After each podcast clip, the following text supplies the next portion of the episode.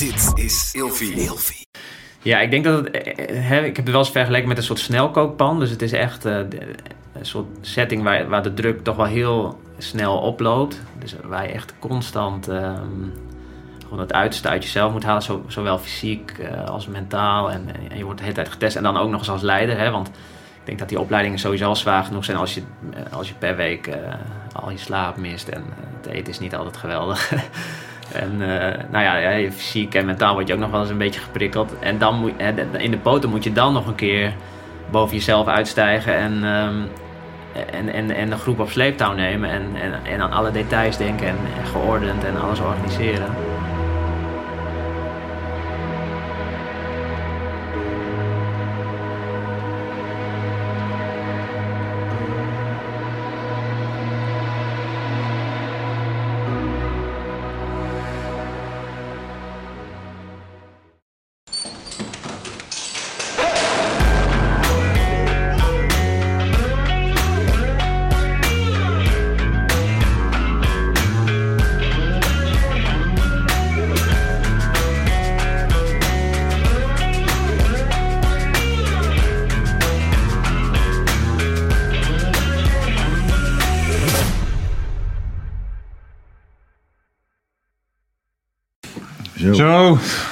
Alles draait weer. Welkom eh bij Scherpschutters.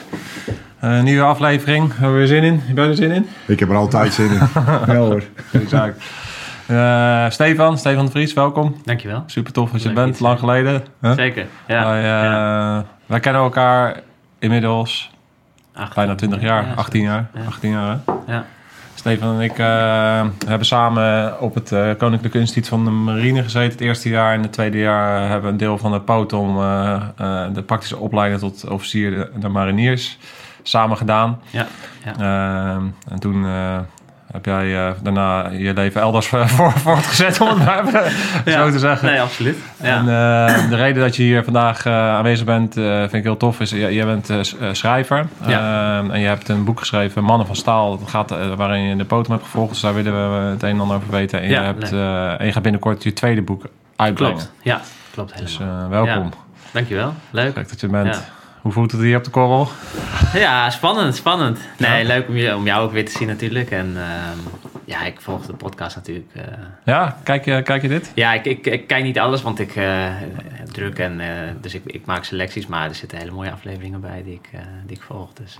Ja, En het, het leuke is ook wel dat een paar mensen hè, die hier zijn geweest om een verhaal te doen, die staan ook weer in mijn nieuwe boek. oké. Rob Severs onder andere. Ja, Rob Severs eh, die eh, zijn eh, been verloor in Ja, Afghanistan. Ja, ja. Want waar gaat jouw tweede boek over? Kun je dat even kort toelichten? Ja, het heet Onoverwinnelijk. Ehm, dus de ehm, eh, veteranen op missie en hun strijd daarna. Ehm, dus het zijn eigenlijk allemaal militairen die op missie zijn gegaan. van Kosovo 1999, eh, Afghanistan de afgelopen eh, 15 jaar. En die op uitzending eh, gewond zijn geraakt, fysiek of, eh, of mentaal. Dus er zijn ook verhalen van mensen die eh, met PTSS terug zijn gekomen. Ja, Ehm, ja, en ja, ontzettend indrukwekkende verhalen. Dus ehm, eh, eh, ik vertel dan een stukje van hun leven en, en wat ze, al, hoe, hè, waarom zijn ze militair geworden. Vaak zijn het mensen die daar echt een soort droom hadden om militair te worden. ja. Fitte mensen, sterk en dan op uitzending toch wel een heftig iets meemaken. Ja. En dan is soms, of eigenlijk meestal de strijd eh, na dat heftige incident is nog, eh, nog pittiger. Dus dat hele traject van hoe komen ze terug en wat maken ze daarmee, dat heb ik eigenlijk eh, op papier gezet. Ja, de transitie eh, is het eigenlijk. Ja, ja. En hoe komen, komen ze eruit? Ja, zeker. En, en dat, is de- dat vind ik altijd heel mooi. Hè. Dat, het zijn dat- mensen met een, met een passie en een droom eh, om, om militair te worden. Dat lukt dan. En dan gaan ze op uitzending en dan maken ze eigenlijk echt iets, ja, toch wel iets, iets verschrikkelijks mee. Waardoor ze of fysiek in de problemen raken of, eh, of, of mentaal. Ja, voor, voor militairen is dat, eh, is, dat, is dat vaak toch heftig. Omdat je, kunt of, eh, of opeens fysiek veel minder dan je gewend was. met de beperking die je dan hebt. Ja, Of ja, mentaal zijn er natuurlijk vaak ook sterke mensen. En die dan ja, dat hele, hele traject van hoe ze uit, uit, uit die strijd komen. En dan met de Invictus Games. Want de Invictus Games komen dit jaar naar Nederland. Want daar is het aan gekoppeld, want het heet Ja. onoverwinnelijk. Dus eigenlijk Invictus staat, is, betekent ook eh, onoverwinnelijk, toch? Is dat- ja, klopt dat? ja, klopt. Ja, dus eh, op een gegeven moment, ik liep al een tijdje rond met een, met het, met een eh, idee voor een tweede boek. En dat was toch wel, de militaire wereld blijft mij toch wel trekken. Dus ik dacht, het, eh, veel gelezen over Amerikaanse militairen die, die op, op, op missies zijn geweest. En die daar- in Amerika is dat toch meer een cultuur om dat ja, in een boek te zetten zelf. Je ziet het ook wel een beetje terugkomen in Nederland nu. Hè? Meer mensen die dat doen, dus dat, dat je eigenlijk ook toe.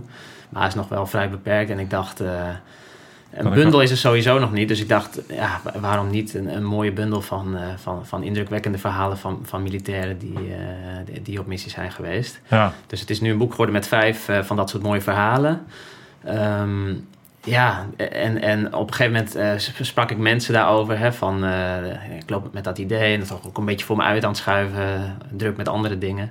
En toen zei iemand, nou, waarom koppel je het niet, eh, niet aan die Invictus Games... die eh, in mei 2020 eh, in Den Haag worden gehouden. Ja. Toen dacht ik, ja, dat is een heel mooi moment. En bovendien een beetje stok achter de deur, hè, zodat je ja. ook... eh, Moest je ineens dwing- werken. Het dwingt je een beetje om, eh, om een deadline te halen. Dus eh, dat werkt, ja. Nou, ja. mooi. Ja, ik wil, we, zo meteen natuurlijk van alles weten van, eh, van, van inderdaad verhalen. En, en wat, zijn, wat zijn dan eigenlijk eh, die elementen wat Ja. dan die mensen onoverwinnelijk maakt. Ehm, maar eerst even benieuwd waar, wie jij eigenlijk bent en Ja. eh, waar jij vandaan Wie komt. en ben jij eigenlijk? interesse vandaan komt. Ja. Wie ben je eigenlijk? Ja. Kan je wat over jezelf vertellen, waar je vandaan komt en hoe jij eh, uiteindelijk bij de, ja, in de militaire wereld terechtgekomen bent? Ja, nou ja, ik ben, ik ben opgegroeid in Friesland eh, als, als, als jongetje. Daar heb ik eh, de eerste 18 jaar van mijn leven doorgebracht. en ik was zo'n zo'n jongetje wat altijd op een gegeven moment oorlogje ging spelen, hè, militair. Met houten geweertjes en eh, dan naar de, naar de dump in, in Leeuwarden om, eh, om kleren te halen. En allemaal nieuwe, nieuwe dingetjes. En zo, zo realistisch mogelijk. Ja.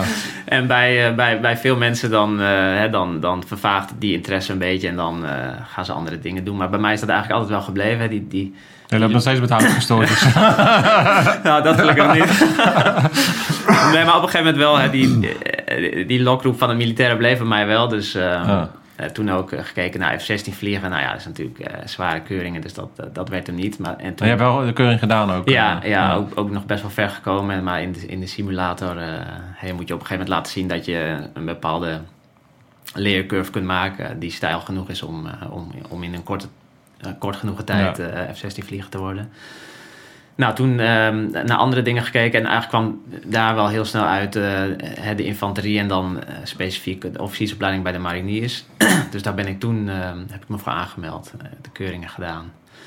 En daar kwam ik, kwam ik doorheen. Dus toen, zo, zo zijn wij elkaar ook, ook tegengekomen. Ja, want jij was, jij was jong. Ik, ik, ik, Ja. ik, was ehm 22. Ja. Ja, dat, en in die leeftijd scheelt dat een hoop, hè? Want jij was 18. Ja, ik was 18. En je ziet Ja. dan eh, toch dat, dat, dat, dat, die, is- dat net een stukje levenservaring en ook Ja, fysiek, kan. fysiek was ik net even... eh, Ja, merk- zeker. Ja, merk, je, merk je dat als 18-jarige jongen heb je, zo- heb, je, heb, Ja. heb je echt wel achterstand hoor. Ja, nou ja, weet je, de- de- ik denk dat er meer jongens van die leeftijd waren. En ook wel, ook wel jongens die dat toen gehaald hebben van die leeftijd. Nou, niet zo heel veel hoor. Nee, niet heel veel. Dat klopt. Dat, dat ging ook hard in. die tijd. nee. We hebben Nee. hard aan de boom geschud in Ja, ieder dat is waar. Ja. Ja. nee, dus dat... Goh.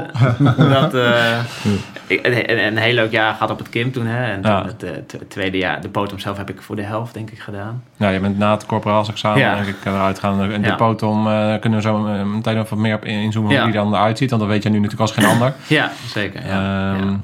Maar inderdaad, het, eh, hoe, hoe heb jij de, de, de vorming ehm, en, en de transitie vanuit een dorpje in eh, Friesland naar eh, Den Helder, waarin je dan in gaat stromen bij, het, Ja. bij de marine, hoe is dat voor jou geweest? Nou, ik moet zeggen, de, terugkijkend daarop ben, ben ik daar misschien vrij groen, hè, om het zo te noemen. En, en misschien een tikkeltje naïef. Dat is misschien ook goed. Hè. Je moet niet alles weten voordat je daar aan begint. Maar het was wel een cultuurschok voor mij hè, Ja. toen ik daar aankwam. En ik had niet gestudeerd of zo, dus ik kwam echt van het, van het VWO af naar Den Helder. En dan heb je die introductie daar, waar, nou ja, waar toch ook wel even een soort toneelstuk wordt gespeeld. Maar dat heb je dan op die leeftijd misschien, kun je dat nog niet helemaal op waarde schatten, denk ik. Hè? Oh, ja. Ik vond dat al, hè, dan, dan zie je dat misschien soms iets te serieus. En, eh, Nou, dat dus. nou ja, weet je, als je binnenkomt, hè, die, direct met die rangen en, en, en, en, en, en eh, de ouderejaars die, eh, die toch wel echt eh, als een soort eh, goden worden neergezet. Hè, daar, daar, daar luister je naar. En, eh, En eh, die militaire hiërarchie die direct wordt ingedrukt. en dan de geintjes die je met, met, met je uithalen. De eerste drie weken waren op Texel.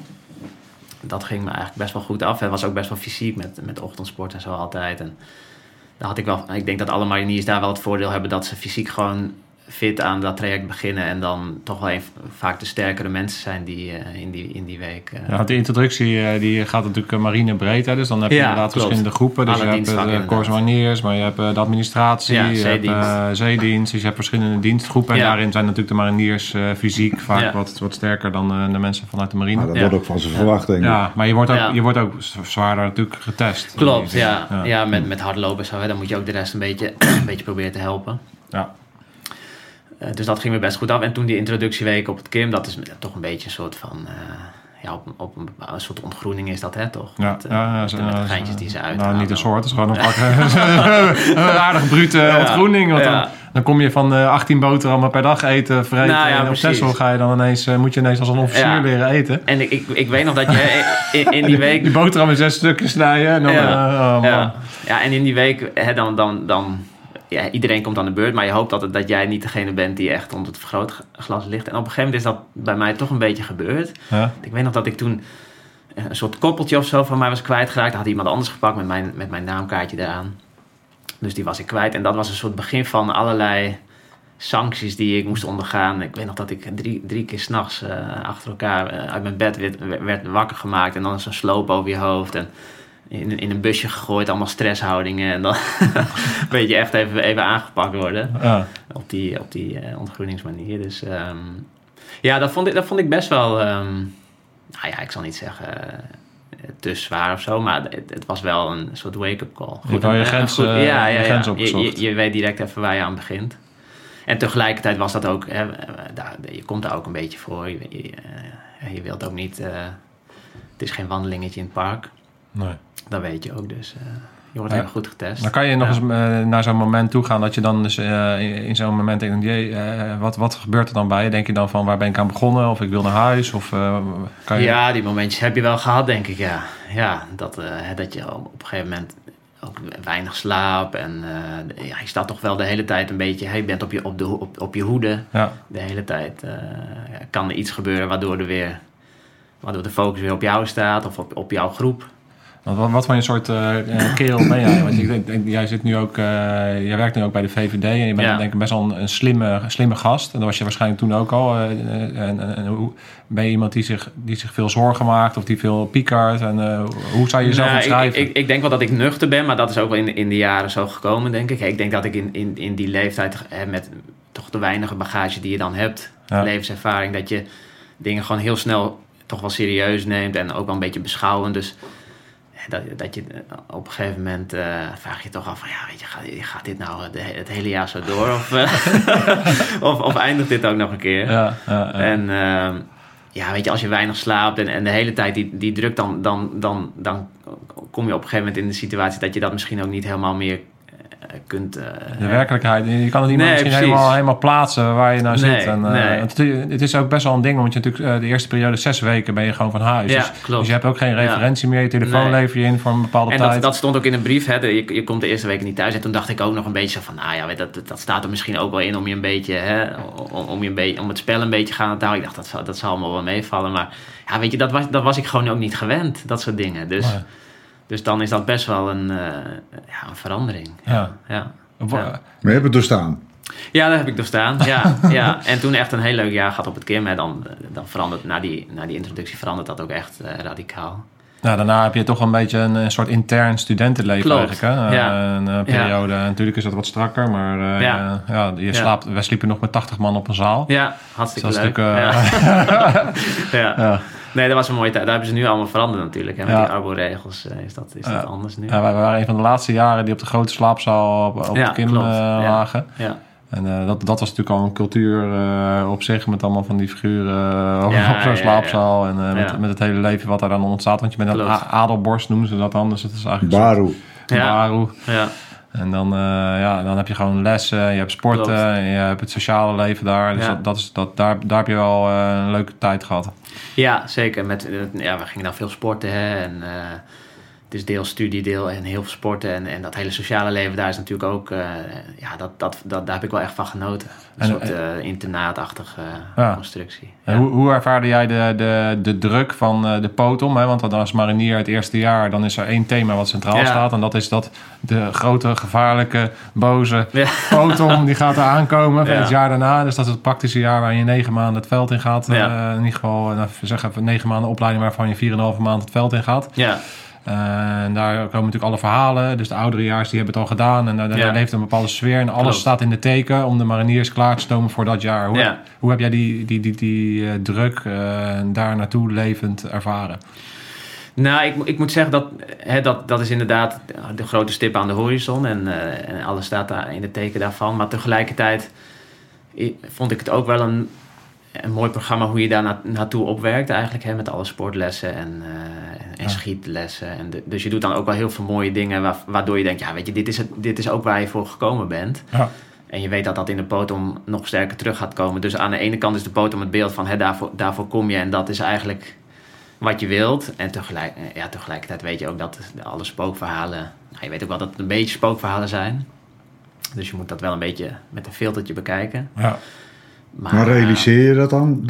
Of realiseer je dat achteraf? Dat je nou, ik re- moet bekijken? o- ook toen realiseer maar dat, het is wel moeilijk inschatten wat is dan precies, hè, wat, is, wat klopt wel en wat klopt niet. Je weet dat het, eh, eh, iedere lichting vindt natuurlijk dat hij de zwaarste potom heeft gedraaid. En, eh, dus, je, de- dus je hoort ook meestal wel de zwaardere, Ja. dus de, de, de, de pittigere momenten van, van, van iedereen. Eh, dus je moet, dat, je, je moet dat ook wel. Het is natuurlijk een soort balans in zo'n opleiding. Dat moet ook wel, anders had niemand het. Maar tuurlijk, je krijgt wel mee dat het. eh, als die, als die dan eenmaal start, want het zijn inderdaad spookverhalen, maar wat dan natuurlijk heel interessant is, is een beetje hetzelfde als mensen die, op- die nog niet in een vuurgevecht hebben gezeten en zich afvragen hoe zou je Ja. overeind blijven op het moment dat het gebeurt. Ja. Dus dat gevoel is, is vergelijkbaar met het gevoel wat je hebt voordat je zo'n zware opleiding ingaat. Oké, ja. Tenminste, zo ervaar ik dat.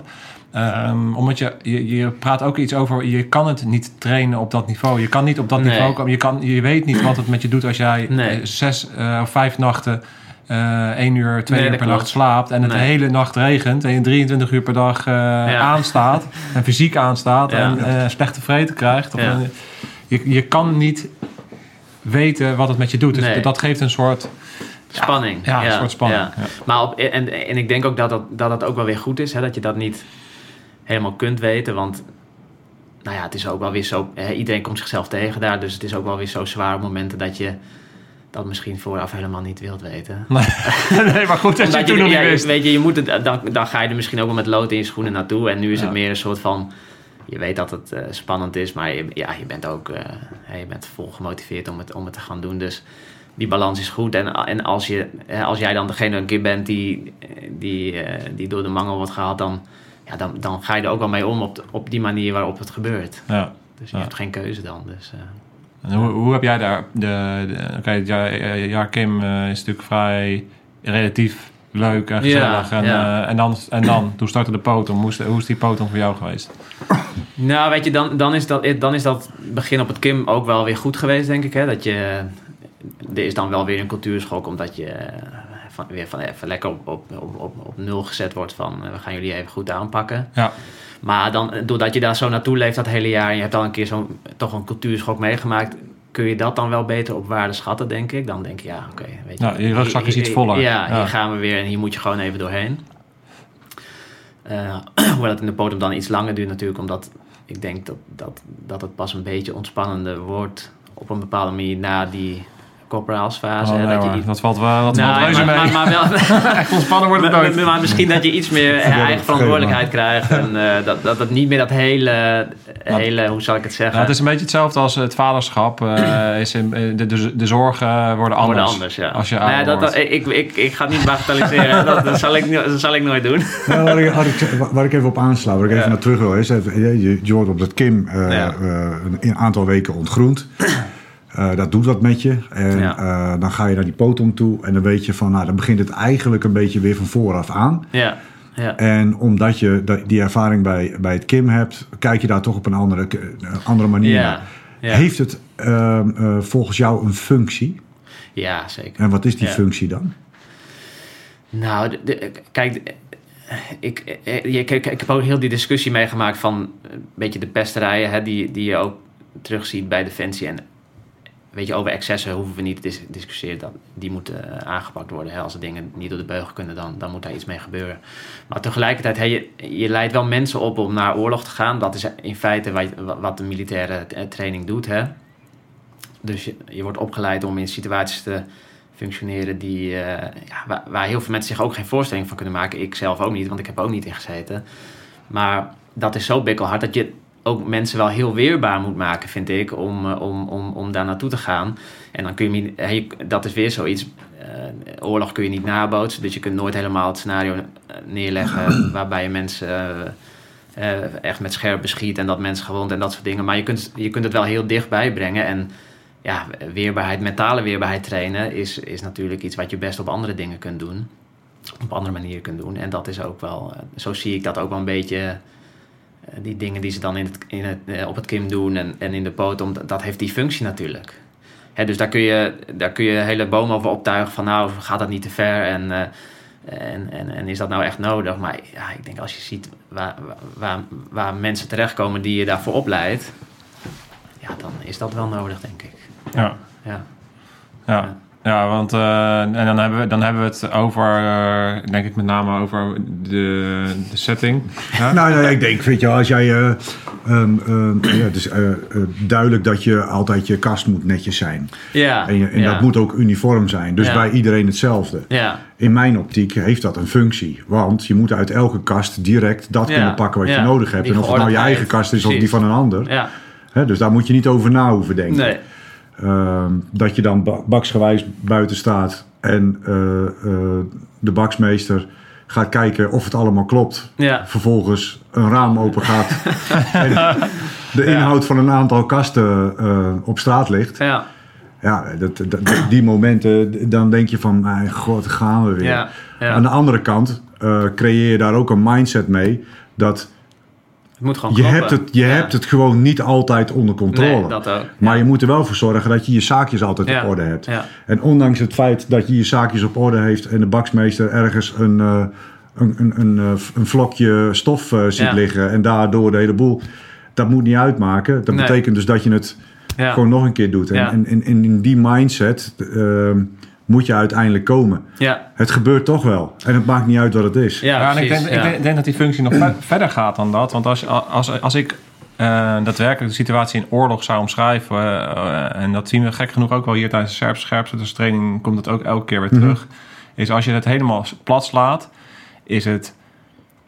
ehm, orde creëren eh, binnen chaos of gecontroleerde chaos Ja. is het eigenlijk. Ehm, en je moet mensen hebben die in een omgeving van totale chaos orde kunnen vinden eh, en een manier kunnen vinden om alsnog eh, dit, dingen te Ja, doen die ze moeten doen, Ja. ondanks dat hun natuurlijk systeem volledig zegt vluchten, ander gedrag laten zien. En dat, zit hem, dat gaat zo ver Ja, dat je het belang van een nette kast, dat, dat is een soort, of, of je schoenen gepoetst, dat, dat, dat gaat zo ver terug naar. eh, dat, dat, dat, is een stukje, dat is een stukje houvast, dat is een stukje de, gewoon in je diepste kern van je systeem krijgen. Dat eh, eh, je orde en netheid, je reactiesnelheid vergroot. En dat het uiteindelijk in een Ja. chaotische situatie het enige is waar je aan vast kan houden. En waar je op, elke keer weer op zoek gaat van hoe ga ik hier orde in aanbrengen in deze situatie. Ja, ja. En, dat, en dat, dat maakt een mindset die zo diep gegrond is. Ehm, ja, wat, wat, wat start Ja. met iets als eh, simpels als dat je gewoon je, je, t-shirts op eh, precies die breedte moet kunnen vouwen. Nou ja, en daar- vol- volgens mij in de potop zit daar natuurlijk nog die, die hele leiderschaps, eh, eh, het hele leiders- leiderschapsaspect bij. Hè, dat je ook leert dat jij degene bent die verantwoordelijk eh, is, die Ja. verantwoordelijkheid draagt. En ook als andere mensen iets doen hè, wat, wat jou in de problemen brengt, dan ja, weet je, van, van, van nature heb je, hè, hoe je opgroeit is dan toch vaak. Eh, iemand heeft iets fout gedaan, dus hij is verantwoordelijk. Maar als leider ben jij dan gewoon degene die, eh, die, dat, die dat probleem heeft en die het Ja. op moet lossen. Ja. En die er eigenlijk ook verantwoordelijk voor is. Ja. Dus dat, dat, dat is ook wel iets wat mij heel erg bij is gebleven. Ja. Ja. Ik, wij zeggen hier bij, eh bij scherpzetterstraining ook altijd van de leider is slechts zo goed als zijn team. Ja, En het team moet de leider ondersteunen en de leider moet dienend zijn, maar tegelijkertijd de opdracht helder Ja. hebben.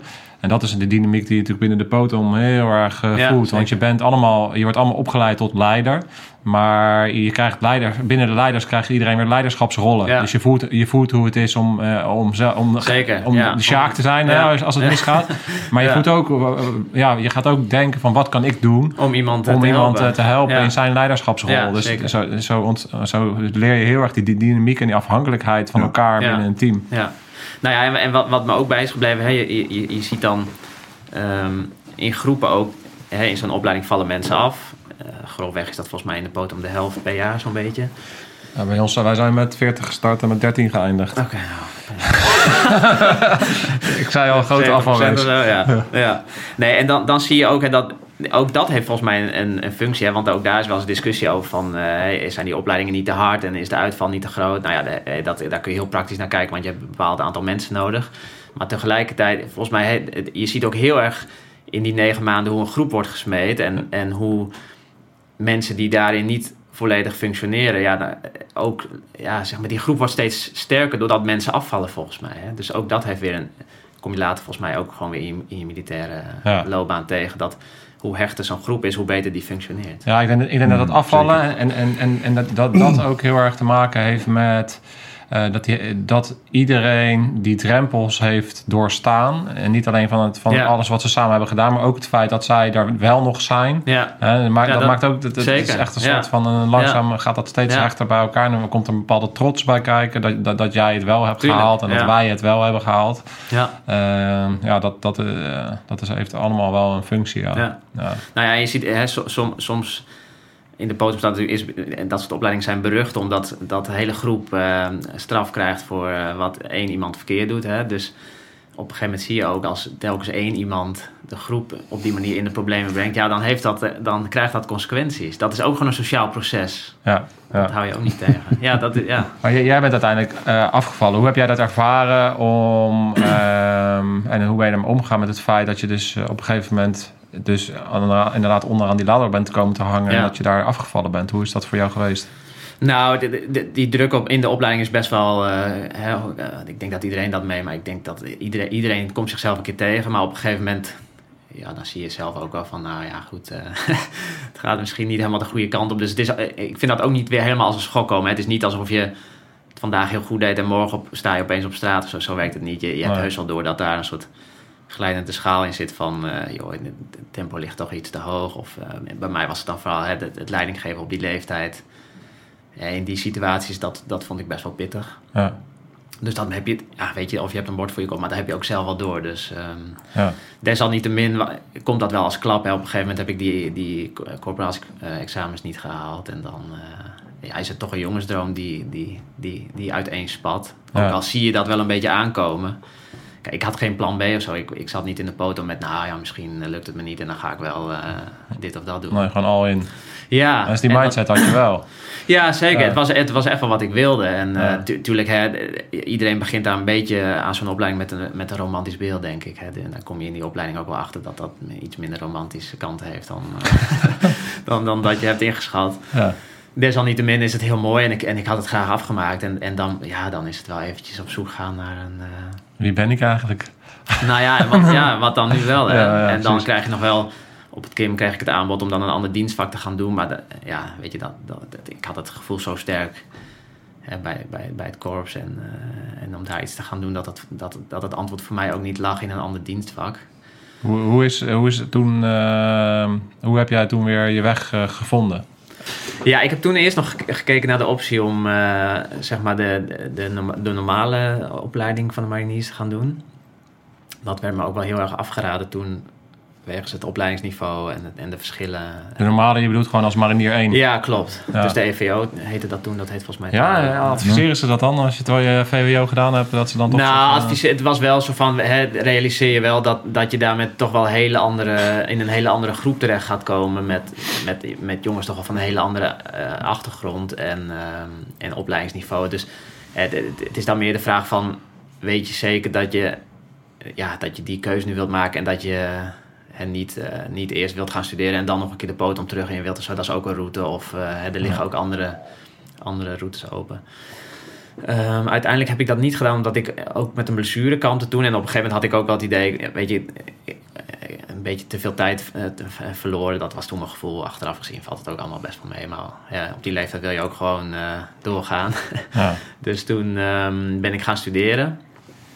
En ja, toen, toen vond ik eigenlijk ook wel weer mijn ehm, eh, een passie in het studeren. En, en eh, ik ben, ben toen internationale betrekkingen uiteindelijk gaan doen op de, op de UvA in Amsterdam.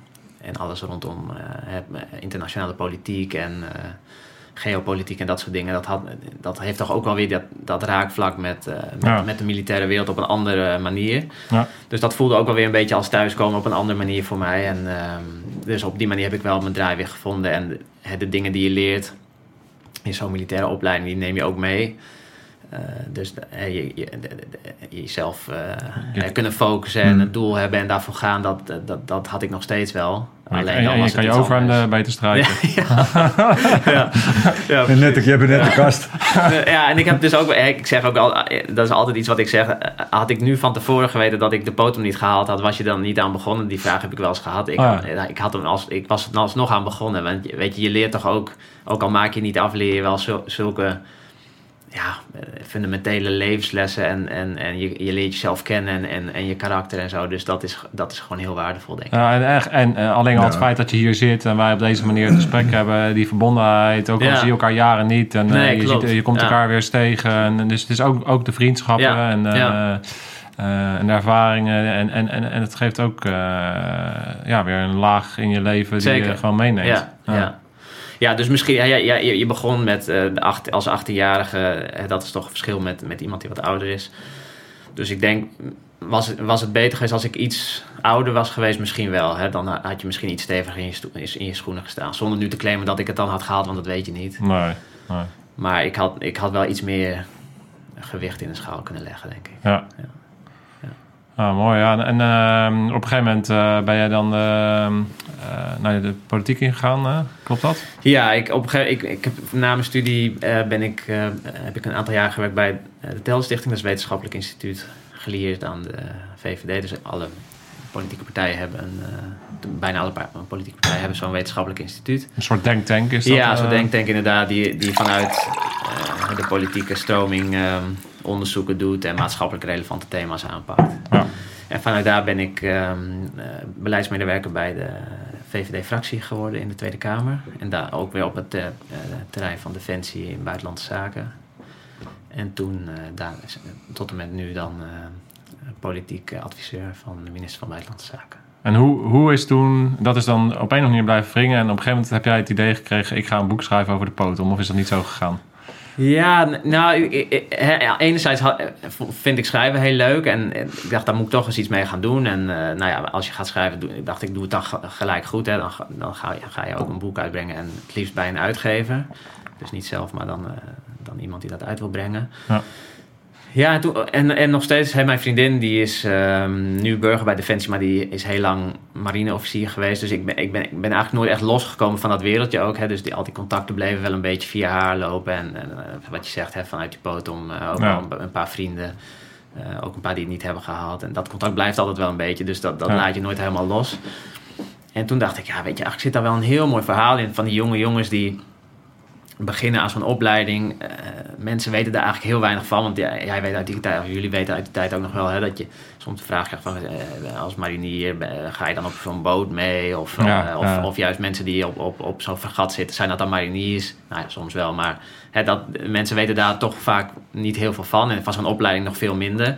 Terwijl ik dacht, ja, daar zit wel een heel mooi verhaal in van, van jongens die met een soort passie zo'n heel zwaar traject beginnen en dan ja, zichzelf tegenkomen. En dan, eh, hè, sommigen halen het niet, sommigen halen het wel. En wat maken ze nou allemaal mee? En hun familie, hoe kijkt die er tegenaan? En, Ja.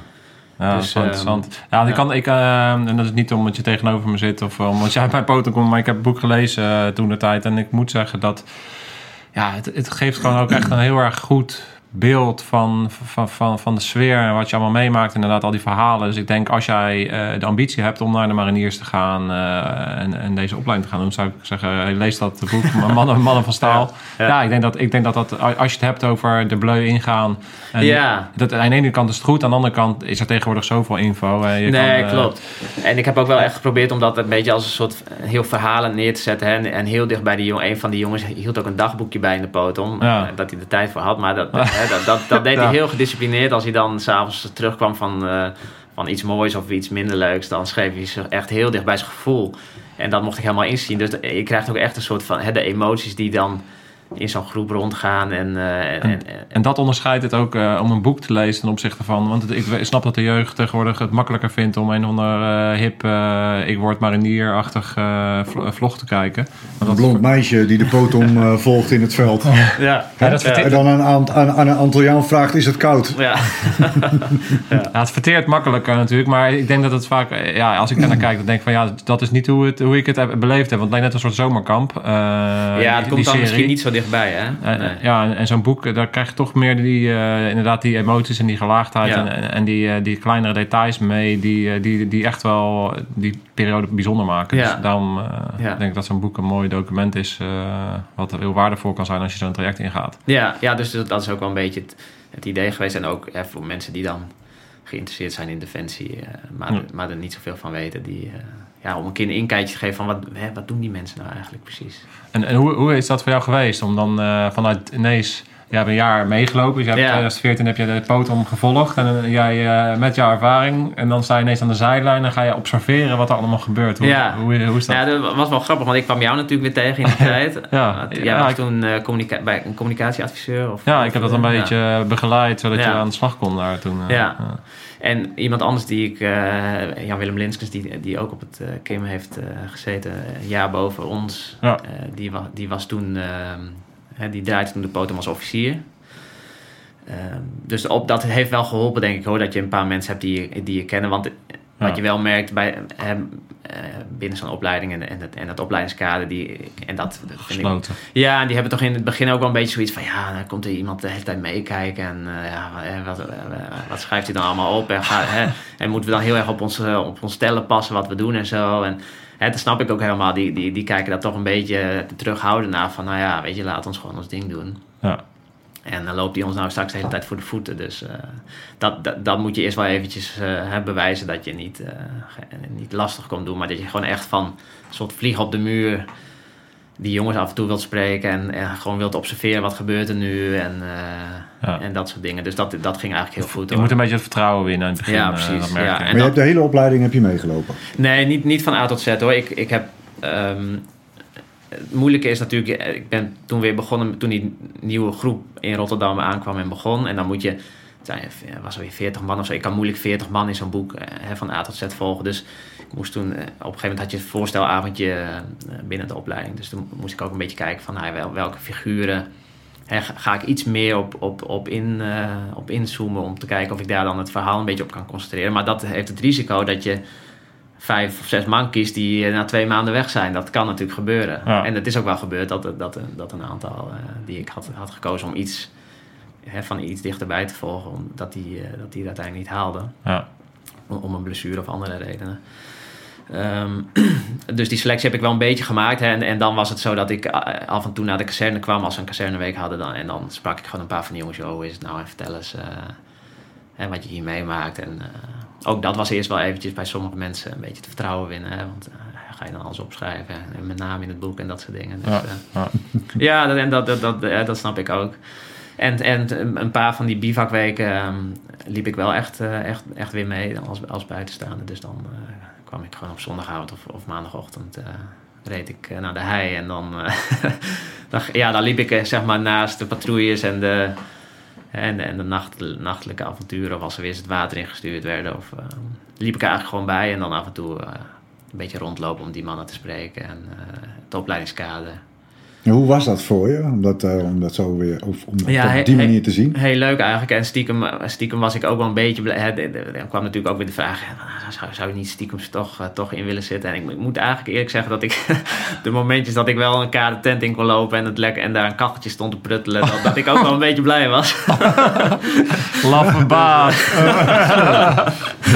Nee, dus ehm, nee, dat, ik, ik, heb dat, ik vond het heel leuk. Dus daar zat ook niks achter van eh, een soort nog een verstopte frustratie van eigenlijk eh, is dit nog steeds wat ik wil. Ik heb dat wel echt Ja, als externe afgesloten. schrijver eh, Ja, gedaan. En, echt gewoon dat, en, en omdat er een mooi verhaal in zit. eh. Ja. Dus dat is me eigenlijk heel goed bevallen. Ja, dat was weer wel bijzonder. Maar, eh, om, eh, ik wil zo zo meteen nog wat weten natuurlijk over, dat, eh, over je tweede boek. Eh, Ja. Maar om, eh, kijk, iedereen eh, die er naar kijkt en misschien interesse heeft in, in de potom. Wat, wat zou jij omschrijven eh, wat de potom is? Wat, wat is de potom en, en wat doet het met de mens? Ja, ik denk dat het. eh, eh, ik heb het wel eens vergeleken met een soort snelkookpan. Dus het is echt een soort setting waar, waar de druk toch wel heel snel oploopt. Dus waar je echt constant ehm, gewoon het uiterste uit jezelf moet halen. Zo, zowel fysiek als mentaal. En, je wordt de hele tijd getest. En dan ook nog eens als leider. Hè, want denk dat die opleidingen sowieso al zwaar genoeg zijn als je, eh, als je per week eh, al je slaap mist. En eh, het eten is niet altijd geweldig. En nou ja, fysiek en mentaal word je ook nog wel eens een beetje geprikkeld. En dan moet, in de poten moet je dan nog een keer boven jezelf uitstijgen en, ehm, en, en, en de groep op sleeptouw nemen. En, en, en aan alle details denken en, en geordend en alles organiseren. Dus het is, het is ook wel een beetje een reis hè, vanaf het begin naar het, naar het punt waar, waarop je uitstapt of, of tot het einde, waar je heel erg jezelf leert kennen. En toch ook wel echt een soort snel, snel, eh, snel wasstraatprogramma waarin ze leiders eh, kweken. Ja, nou, dus mooi. dat- ja. daar, daar ligt het wel. De, de nadruk ligt natuurlijk wel echt op leiding geven. En, Wa- waarom, kan, waarom haalt niet iedereen het? Ja, ik denk dat dat is wel heel verschillend. Som- hè, sommige mensen echt pu- puur door pech als je, als je een blessure krijgt. En dan, volgens mij is er dan wel een regel. Als je een bepaald punt hebt gehaald, dan mag je het volgend jaar nog een keer proberen. Ja. Maar ook mensen hebben wel eens pech dat dat dan de tweede keer weer misgaat. En je kunt natuurlijk niet eh tien Dus- keer gaan proberen. Dus fysiek is een ding? Ja, ja. ehm, maar ik denk dat het voor de meeste mensen gewoon een combinatie van hè, al die, al die, die stressfactoren en, en de kou en het, en het slecht slapen en het slecht eten en dan de constant. de boog staat eigenlijk constant gespannen. En de weekenden zijn toch wel kort, hè? dus je, het is dan meestal. En als je ook nog ver, ver van de kazerne woont, dan is, is het weekend nog korter. Dus ja, je hebt heel weinig tijd, denk ik, om, om, om tot rust te komen. En, en ook heel weinig tijd om dingen in perspectief te plaatsen. En als je pech hebt, dan moet je in het weekend knutselen. Nou ja, precies. Dus en, hè, en, en, en, en, en, en je privéleven leidt daaronder, want het slokt je wel echt, al die maanden slokt het je gewoon echt op. Ja. Dus ik denk dat het voor, voor heel veel mensen gewoon, wat dat betreft, eh, die, die belasting gewoon te zwaar is. Too much. Ja. Ja. En ik heb wel altijd tegen mezelf, eh, want ik heb ook echt wel momenten gehad dat ik dacht, ik loop nu die kadertent in en, en ik, en klaar. mijn crucé eh, naar buiten en, en, en, en regel maar een busje dat ik wegga. Maar ik heb wel altijd tegen mezelf gezegd, eh, midden in die week ga je die, dat besluit niet nemen, want je, je bent gewoon emotioneel, je hebt slecht, je, ja, je ziet dat niet helder. En ik heb ook wel momenten gehad dat ik dacht, nu is het klaar en in het weekend dan toch weer genoeg kunnen herstellen dat je weer denkt, nou, hè, op maandag, het wordt vast kloten, maar we, we, gaan, gaan er er weer gewoon tegenaan. Ja. Dus de, ik, da- dat vind ik misschien als ik dan een les zou mogen geven aan mensen die erin zitten. Beslis dat niet in zo'n week. Weet je, denk, en, en praat er dan, hè, als je er tegenaan zit en je, je zou erover twijfelen, heb, heb dan gesprekken met mensen daarover. Maar, maar doe dat dan als je helder bent. En ga niet, eh, hè, want iedereen vindt het. Ik denk dat jij ook wel een moment hebt gehad dat je dacht: eh, ik kan Nee, niet van jou spreken. maar- Nooit. ik, denk- ik denk dat je, je uitgangspunt moet zijn is dat het gewoon negen maanden duurt. Ja, en dat je ja. gewoon niet thuis Maar- komt. Het en- duurt gewoon ja, negen maanden. Maar en dat is ook zoiets. hè, Want je hoe, kan het dan dat mensen uitvallen? Die negen maanden kun je niet overzien. Nee. hè. Eh, Ik denk dat en misschien zijn sommige andere opleidingen Een, ook heel seconde, een heftig. seconde duurt al, eh, Ja. voelt al soms al een uur. Precies. Dus negen maanden, dat wordt gevoelsmatig. Is, kan het Nee. tien jaar zijn. Dus je kunt ook niet zeggen van hé, ik zit het wel uit en eh, het is maar negen maanden, dat komt wel goed. Dat Nee. kan misschien als het zes weken is of zo, kun je nog denken, nou ja, weet je, over anderhalve maand dan Ja. is ook al lang, hè, maar dat is ook wel een factor, denk ik. Dat Ja, is zo, ja. Ja, gewoon bijzonder. best wel- Ja, bijzondere tijd. Ja. Ja. Ja, en, het, en hè, wat jij zegt, eh, eh, er zit heel veel verantwoordelijkheid op. De nadruk ligt op leiding geven. Wat Ja. ik me heel goed kan herinneren is dat ik me op een gegeven moment heel erg bewust was dat, ehm, dat, het, dat, dat je het zo moet regelen dat mensen echt voor je willen werken. Ja, Dat mensen ja. echt het. En, en, en, en, in, in het begin dan geef je onderling in de potom eh, aan elkaar gewoon eh, leiding. Hè? Ja. Dus dan krijg je, ben jij gewoon baasje van de week. Ja, En dan heb je een OPC onder je en, eh, en heb je eh, twee of drie geweersgroepen eh, die weer onderverdeeld. Dus die, die structuur van een peloton, die, die zit daar eh, eh, in ieder geval eh, bij mij zit Ja. het er al een beetje in. ja, En eh, ik heb ook wel gezien dat, dat, dat lui zeg maar de, de, de taak als PC hadden die gewoon niet eh, gesnaaid werden. En, en, en ja, dan, dan loopt het gewoon niet. Nee. Dan heb je het ook gewoon zwaar. Nee, precies. Ja, ja. Nou ja, wat, wat ik zelf ook wel een beetje moeilijk vond, en dat heeft dan misschien met die leeftijd te maken hè, destijds, dat je in de smelt, smelten verschillende groepen samen. Die, die groep van het Kim kwam, kwam toen met de spijkerbroeken, dus de jongens die echt uit de burgermaatschappij kwamen en het voortraject op het Kim niet hadden gedaan. Maar er waren ook een paar jongens die hè, al jaren bij de mariniers rond, rondliepen en zelfs bij, de, bij die eh, bijzondere bijstandseenheid hadden gezeten, uitzendingen hadden gedraaid.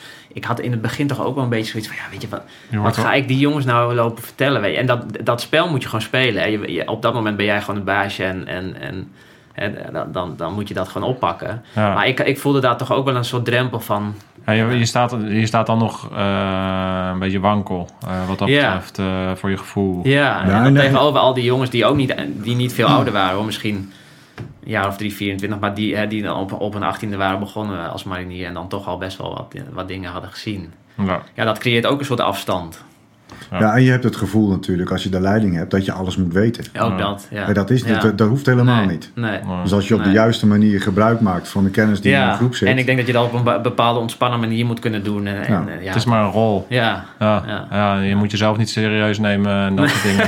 Maar dat is heel lastig, Ja. want, je, iedereen neemt het voor uh, ja, en- serieus. ja en die, dat, dat verantwoordelijkheidsgevoel, hè, dat kan ook wel een beetje verkrampen op dat moment. En Ja. daardoor gaat het dan dus juist niet lopen. En Ja. dan, dan ga je te veel in, in die vinkjes zitten van... Oh, heb ik dit, heb ik wel, shit, heb ik via de radio dit niet doorgegeven? En dan ga je een beetje achter die feiten aanlopen. En Ja, dan, ja, ja. dit is dat.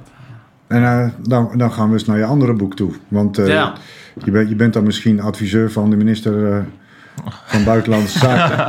Maar eigenlijk wil je gewoon diep in je hart wil je gewoon schrijver zijn. Nou, En dat is wat je dan een beetje doet in je vrije tijd, zeg maar.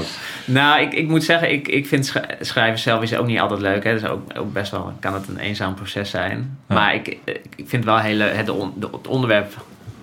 eh, Het, trok, het bleef toch wel een beetje trekken van... eh, ja, misschien toch nog een tweede boek. En wat zou dat dan moeten zijn? Dus net, net, net wat ik net zei... eh, dan de militairen die op uitzending waren geweest... vond ik een logisch gevolg eigenlijk. En toen met die Invictus kreeg, kreeg dat een heel... ehm, ja, heel, heel duidelijk einddoel. Maar Wie, wie, Ja, eh, wacht even, want, want, want, want, eh, we, we hebben dit eh, aan, aan de bar besproken. Ah, ja. En, en eh, eh, leg eens uit, je hebt een tweede boek. Ja, nee, ik, ehm, op een gegeven moment dacht Je ik... bent hè, nu een tweede boek aan het schrijven. Ja. Hoe is dat ontstaan? Ja, dus op een gegeven moment dacht ik, nou ja, weet ik, ik bleef, toch een beetje kriebelen van ehm, misschien een tweede boek. En eh, nou, het was wel voor mij duidelijk, hè, waar, je, waar je passie dan nog steeds ligt, waar, welke verhalen ik heel mooi vind, is dan toch eh, uit die militaire wereld. Hè, die persoonlijke verhalen, want dat is Mannen van Staal ook wel geweest. eh, De persoonlijke verhalen Ja. van die jongens in die opleiding. En dit is dan echt he- de hele persoonlijke verhalen van, ehm, van militairen op uitzending. En die daar dus eh, gewond zijn geraakt, fysiek of, of mentaal. Ja, en, en op een gegeven moment eh, werd dat dus door iemand gelinkt aan... Hè, doe dat dan met die Invictus Games, dan kun je het dan publiceren. En dat is een, ook een heel mooi natuurlijk moment met veteranen. Die, de Invictus Games natuurlijk een soort sportevenement...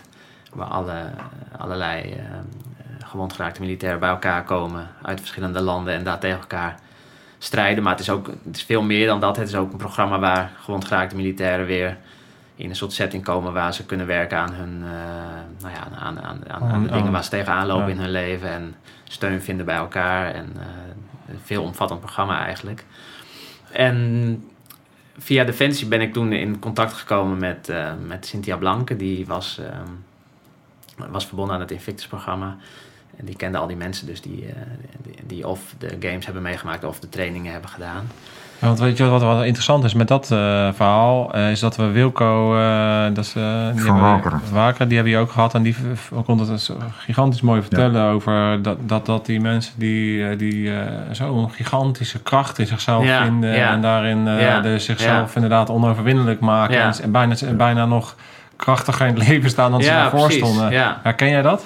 Ja, en dat zag je natuurlijk ook met, met Rob, hè, die hier ook heeft gezeten. En, en, eh, maar eh, eh, heel veel andere verhalen ook. Het eerste verhaal, de eerste persoon die ik tegenkom bij het schrijven van het boek was, was Luc. En Luc is in, in, ik dacht in 2007, 2008 in Afghanistan uitgezonden geweest als IPR-schutter, bo boordschutter.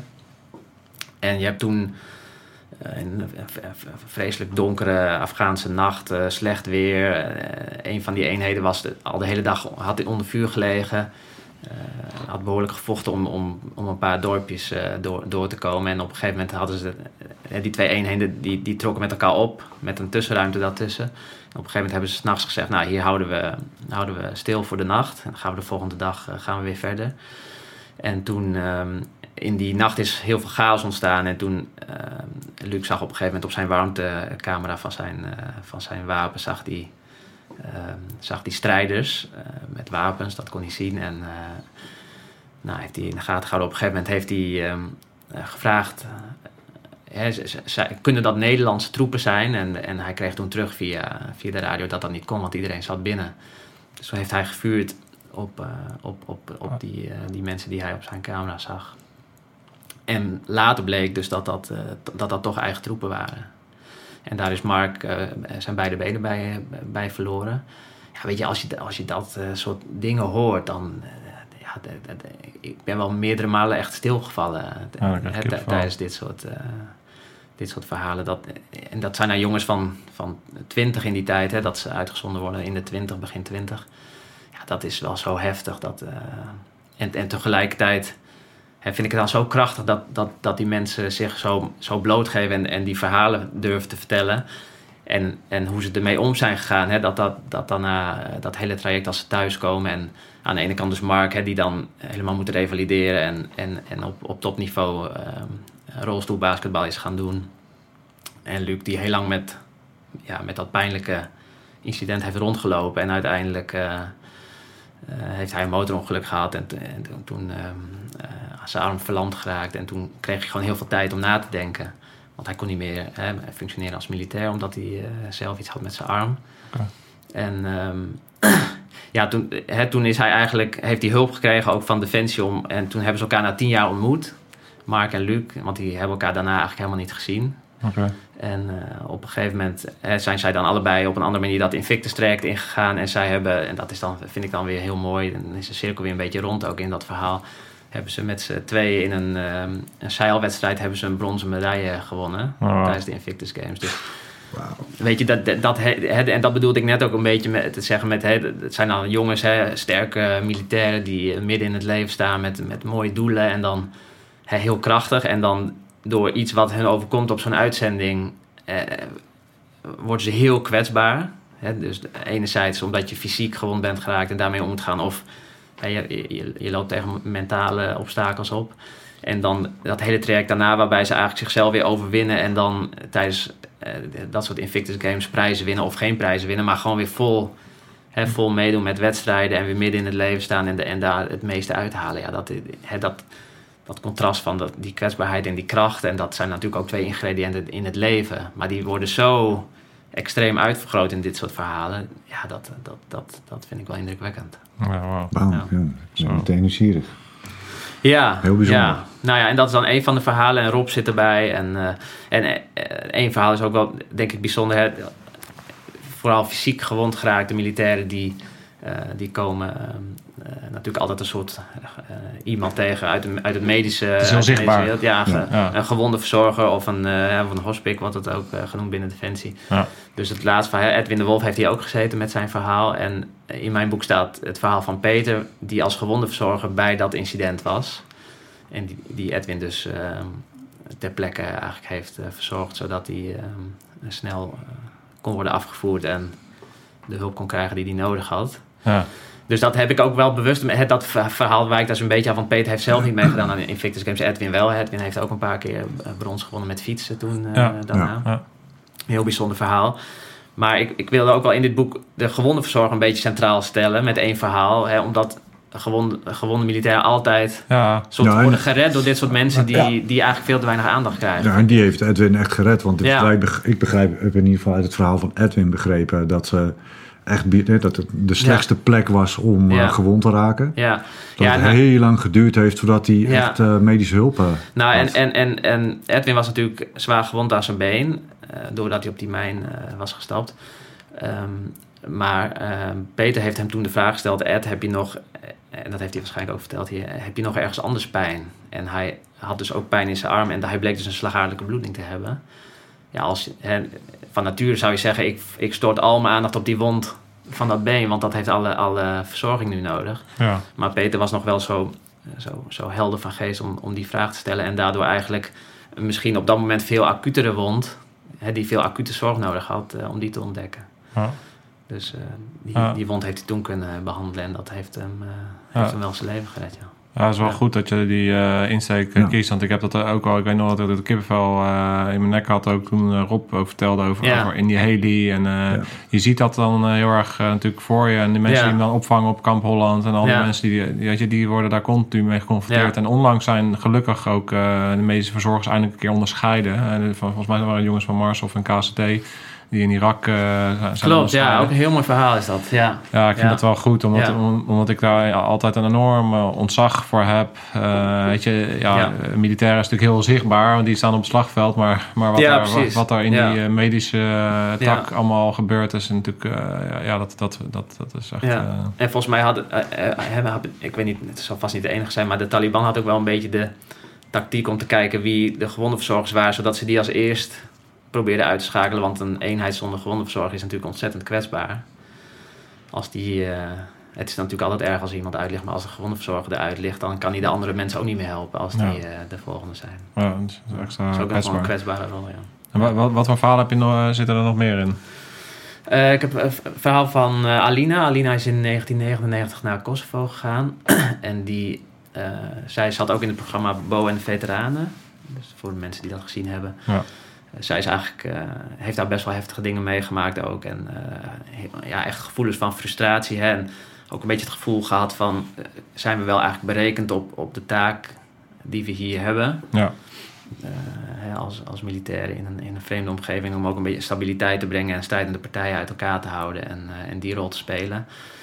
Ehm, en Ja. dat, dat, dat, ja, zij heeft dus eigenlijk ehm, een paar keer iets meegemaakt waar, waarbij ze heel kwetsbaar waren. Bijvoorbeeld eh, in, in een bergpas lopen, eh, kapotte huizen zien, het gevoel hebben dat daar net vreselijke dingen zijn gebeurd. Eh, de verhalen van mensen daar, dat, eigenlijk, dat ze de hele tijd onder vuur lagen van scherpschutters vanuit de bergen. En dat gevoel ook echt hebben, hè, dat die scherpschutters haar op dat moment, ieder moment, ja, dat, ze- dat ze in de gaten werd gehouden. Ja. Zo de constante dreiging. En, ja want En- zij heeft geen eh, fysieke schade. nee, zij, nee, puur, zij is dus eh, teruggekomen met inderdaad PTSS opgelopen. ja. En ehm, ja, en dan, dat zijn dan weer een beetje andere verhalen. Annelies is het, eh, ook een verhaal uit, uit het boek. Ja, zij heeft ook PTSS van overgehouden van drie uitzendingen. En dat zijn dan meer verhalen. Hè? Hoe, hoe, hoe ga je om met, met die gevoelens van onmacht, frustratie, eh, angst en... en, Ja, want wat, wat, wat zie je daarin in, in hun proces? Ja, dat, is- dat is dan weer anders dan fysiek. Hè? Want bij fysiek zie je toch dat, dat het revalideren echt voorop staat. En ehm, ja, dat is toch echt een, eh, lichamelijk proces om weer bijvoorbeeld te, te leren lopen zonder, zonder been of, of iets dergelijks. Bij PTSS is het, is het vaak toch een verhaal van vallen en opstaan. Hè? Die- je, je moet eerst maar eens, eh, dat wordt gelukkig steeds beter, maar in het begin, als mensen terugkwamen met, met dat soort klachten, werd niet altijd de diagnose PTSS ehm, gesteld. Dat is eh, toch vrij recent eigenlijk Ja, dat daar heel veel aandacht voor is gekomen. Ehm, ja, en dat is dan echt een soort gevecht eh, met, met zichzelf. Dus dan zie je mensen echt, eh, die, die moeten echt weer leren functioneren eigenlijk in de maatschappij. terwijl ze eigenlijk soms geen uitweg zien en ehm, echt moeite met leven eigenlijk hebben. En dan, ehm, dan is dat echt weer, ja, dan is dat echt de vraag van, eh, kunnen die mensen de juiste hulp krijgen om, om, om, om, om mentaal weer eh, nou ja, het leven te zien zitten en, en, en hun rol daarin te pakken. ja. Dus dat, ja, dat, is, dat, dat vind ik ook, eh, ook hele indrukwekkende, heftige verhalen. absoluut. Ja, en mooi. ook als je ziet dat die mensen in het begin helemaal niet de hulp kregen hè, om, die ze nodig hadden, omdat het, moeilijk, eh, omdat het in die tijd moeilijk was om de juiste diagnose te stellen. En eh, op sommige plekken was gewoon niet de hulp die zij nodig hadden. Nee. Dus dan werden ze wel ergens in een. eh, Aline werd, kreeg bijvoorbeeld wel, eh, kreeg wel hulp, maar dat was dan absoluut niet eh, ja, toereikend voor haar situatie eigenlijk. En dan, dan wordt die spiraal steeds. Ja, het is een spiraal naar beneden. En, en op een gegeven moment eh, ja, is het dan ook wel heel inspirerend. Ook met, met de Invictus Games eigenlijk.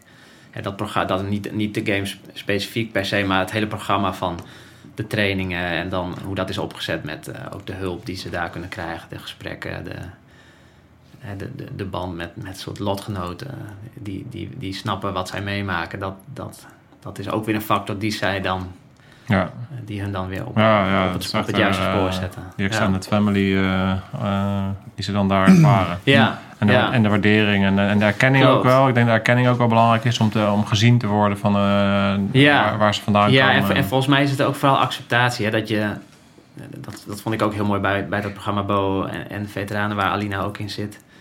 Ehm, ja, heel, heel mooi om te zien hoe het ook een, een vraag is van... eh, want Arie hebben jullie hier ook gehad, hè, van, dat- Ja, van, eh, ja. van, die die programma's doet. En ehm, ja, dat ze, dat ze ook het leren accepteren dat hè, dat, dat hun verhaal is... En, en, en wat ze hebben meegemaakt, dat dat ook niet niet hun schuld is of zo. En, en, en dat het een onderdeel is van jezelf en dat je daar ook een soort kracht uit kunt halen. Ja. Dus dat is ook wel weer een, een hele mooie zoektocht naar, naar jezelf.